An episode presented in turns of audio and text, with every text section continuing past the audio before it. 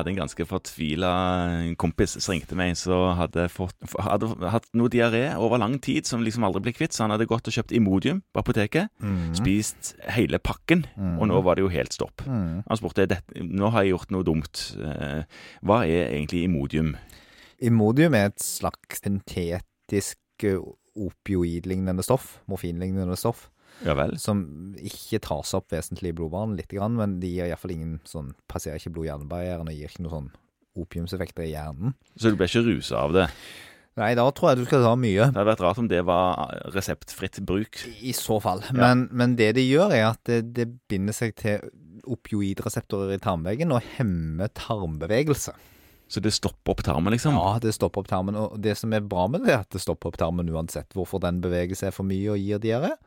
Og det Mm. som er dårlig med det, er at det stopper opp tarmen og stopper bevegelse uansett hva det er som Ja, Så det er et tveegga sverd? Ja, så det skal jo brukes hvis man har en diaré av helst avklart type, der det passer fryktelig dårlig å løpe mye på toalettet.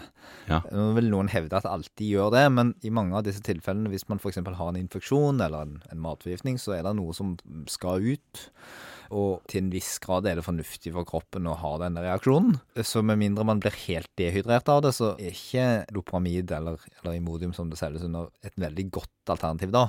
Men det er klart, skal du på fly eksempel, eller på en lang biltur fra et sted til et annet, eh, og bare må gjennomføre det, så kan det være et godt alternativ.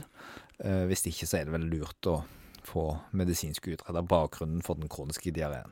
Men er det sånn når du har tatt dette lopramiden eller imodiumen at eh, tarmen stopper opp for evig? Nei da, det er bare å slutte å ta den, så kommer den jo i gang igjen. Men det er ganske lang halveringstid på dette her. Altså, Så det virker lenge i kroppen? Ja, elleve timer står det i felleskatalogen. Det er jo en Ja. god stund. Ja. Sånn at eh, når du har tatt store doser og angrer, så, så hjelper ikke det. Du må angre en stund, liksom, før det kommer i gang igjen? Ja, og så, så løsner det. Bokstavelig talt. Men uh, utover det så er det ikke farlig. Det er veldig lite farlig, og det er jo grunnen til at det er i håndkjøp. Det er faktisk veldig lite farlig. Det er ingen store kontraindikasjoner, bortsett fra at det er aktive bakterieinfeksjoner i tarmen som skal behandles på annet vis. Det Ja. kan jo være en god grunn til faktisk å sjekke ut litt hvis du ellers er syk, altså at hvis du har høy feber og særlig hvis du har mye blod i diareen, så bør du jo ikke bare ta Lopramid på egen hånd. Nei.